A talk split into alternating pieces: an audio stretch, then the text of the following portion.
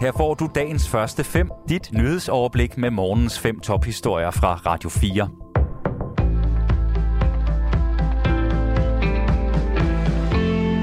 Det er tirsdag den 23. august. Mit navn er Thomas Sand. Den animalske produktion skal halveres frem mod 2030. Det foreslår enhedslisten i et klimaudspil, som partiet kalder en konkret vej til at nå 70 procent målsætningen. Planen præsenteres på partiets sommergruppemøde i dag. Partiets politiske ordfører Maj Villersen siger, at det bliver et centralt krav fra enhedslisten efter det næste folketingsvalg. Hvis vi skal nå i mål med den grønne omstilling, er vi nødt til at halvere den animalske produktion i Danmark frem mod 2030. Hvis vi lader stå til, vil landbrugssektoren stå for knap halvdelen af Danmarks samlede udledninger i 2030, og langt det meste kommer fra animalsk produktion, siger Maj Villersen. I pressemeddelelsen understreges det, at udspillet ikke baserer sig på fremtidig teknologi, som man endnu ikke kender.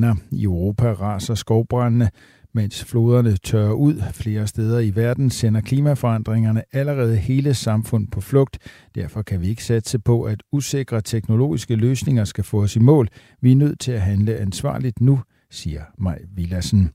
Udover en halvering af den animalske produktion frem mod 2030 er en del af udspillet også, at den klimarabat, der er blevet givet til Aalborg Portland og andre store CO2-udledere, skal annulleres. Der er ikke nogen forskning, der støtter om op, at højere straffe til kriminelle vil have en præventiv effekt, faktisk tværtimod. Det siger David Savsdal, der er kriminolog ved Lunds Universitet, inden den socialdemokratiske regering i dag præsenterer et nyt bandeudspil. Udspillet indebærer blandt andet, at man vil straffe visse former for kriminalitet markant højere end tilfældet er i dag. Udspillet er særligt målrettet kriminelle med udenlandsk baggrund. Sandheden er, at fængsler er et af de mindst resocialiserende steder i verden, siger David Savsdal.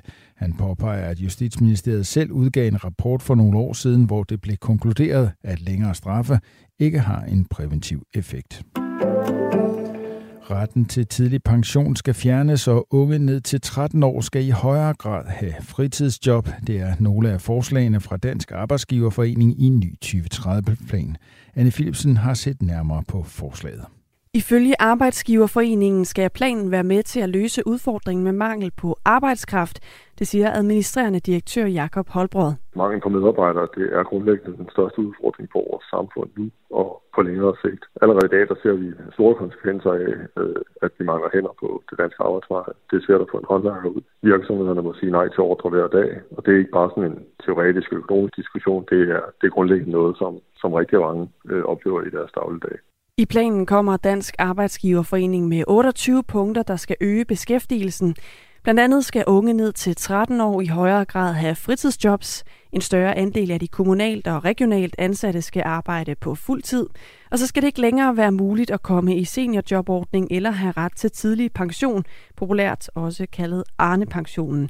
Det skal samlet set skaffe flere hænder et reformkatalog, der giver mere end 60.000 medarbejdere til de danske virksomheder. Det vil skabe mere vækst, mere velstand øh, og gøre, at vi har råd til det velfærdsniveau, som vi har i Danmark. Tyskland vil reaktivere yderligere et kulfyret kraftværk som led i landets bestræbelser på at spare på forsyningerne af gas til den kommende vinter. Kraftværket Heiden nær Hannover vil fra næste uge og frem til april igen begynde at forsyne netværket med strøm. Det oplyser energiselskabet Uniper, der står for driften. Med en kapacitet på 875 megawatt er kraftværket blandt de største i Tyskland. Tyskland planlægger at udfase kulkraftværker senest i 2038, men krigen i Ukraine og de deraf følgende forstyrrelser på energimarkedet betyder, at nogle værker bliver sat i drift igen. I Ukraines hovedstad Kiev bliver offentlig fejring af landets uafhængighed fra Sovjetunionen ikke tilladt. Det sker, fordi truslen for et russisk angreb er forhøjet. En amerikansk embedsmand har sagt, at Rusland har planer om at ramme ukrainsk infrastruktur i de kommende dage. I weekenden har Ukraines præsident Volodymyr Zelensky sagt, at Rusland kunne prøve at gøre noget særligt grumt i dagene op til, at Ukraine markerer 31 års uafhængighed i morgen. Uafhængighedsdagen falder på halvårsdagen for den russiske invasion af landet. Dagens første fem er tilbage igen i morgen tidlig. Hvis du har brug for en nyhedsopdatering inden da, kan du altid fange os i radioen, på nettet og i vores app. Vi høres ved til dagens første fem fra Radio 4.